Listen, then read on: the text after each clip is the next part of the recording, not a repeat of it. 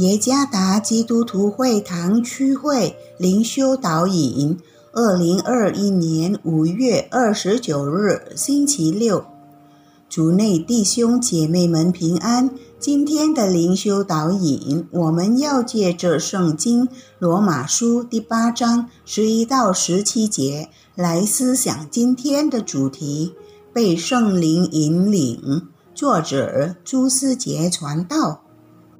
罗马书第八章十一到十七节。然而，叫耶稣从死里复活者的灵，若住在你们心里，那叫基督耶稣从死里复活的，也必借着住在你们心里的圣灵，使你们必死的身体又活过来。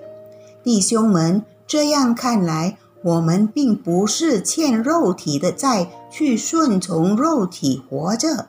你们若顺从肉体活着，必要死；若靠着圣灵致死身体的恶行，必要活着。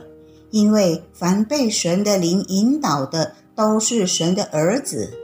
你们所受的不是奴仆的心，仍旧害怕；所受的乃是儿子的心。因此，我们呼叫阿巴父，圣灵与我们的心同证，我们是神的儿女。既是儿女，便是后嗣，就是神的后嗣，和基督同作后嗣。如果我们和他一同受苦，也必和他一同得荣耀。一个年轻人。对理解圣灵在他里面的工作感到困惑，他问道：“我怎么知道有圣灵居住在我心里？我没看见有任何力量从我身上出来，奇妙的甚至惊人的事情我都不会做，也不会说方言。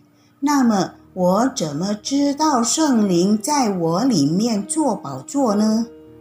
圣灵在信徒生命中的存在，并非透过做一些超自然事物的能力来证明。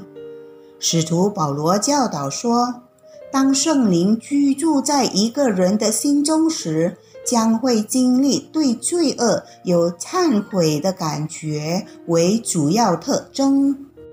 当听到上帝的真理时，那人会。为自己所犯的罪而悲伤，甚至哀伤；为自己所做的错误感到后悔，并想悔改。被圣灵引领的人不会依据肉体的情欲过生活，而会从他的行为举动中散发出圣灵的果实，来证明他的信心。第八章第五和十三节。按着肉体的情欲过生活，意味着过着与上帝相争的生活。参看加拉太书第五章十七到二十一节。保罗说：“这样的人必不能承受上帝的国。”参看加拉太书第五章二十一节。许多人自称是基督的跟随者。但他们的生活与世人没有什么不同，他们似乎基于两个不同的地方：二元论。被圣灵引领的人一定做上帝所喜悦的事，不对罪恶妥协。保罗使用“致死身体的恶行”这个词，第十三节，这意味着犯罪的欲愿。不再管辖我们的心智，的确，有时候离开圣灵的旨意的诱惑实在难以抗拒。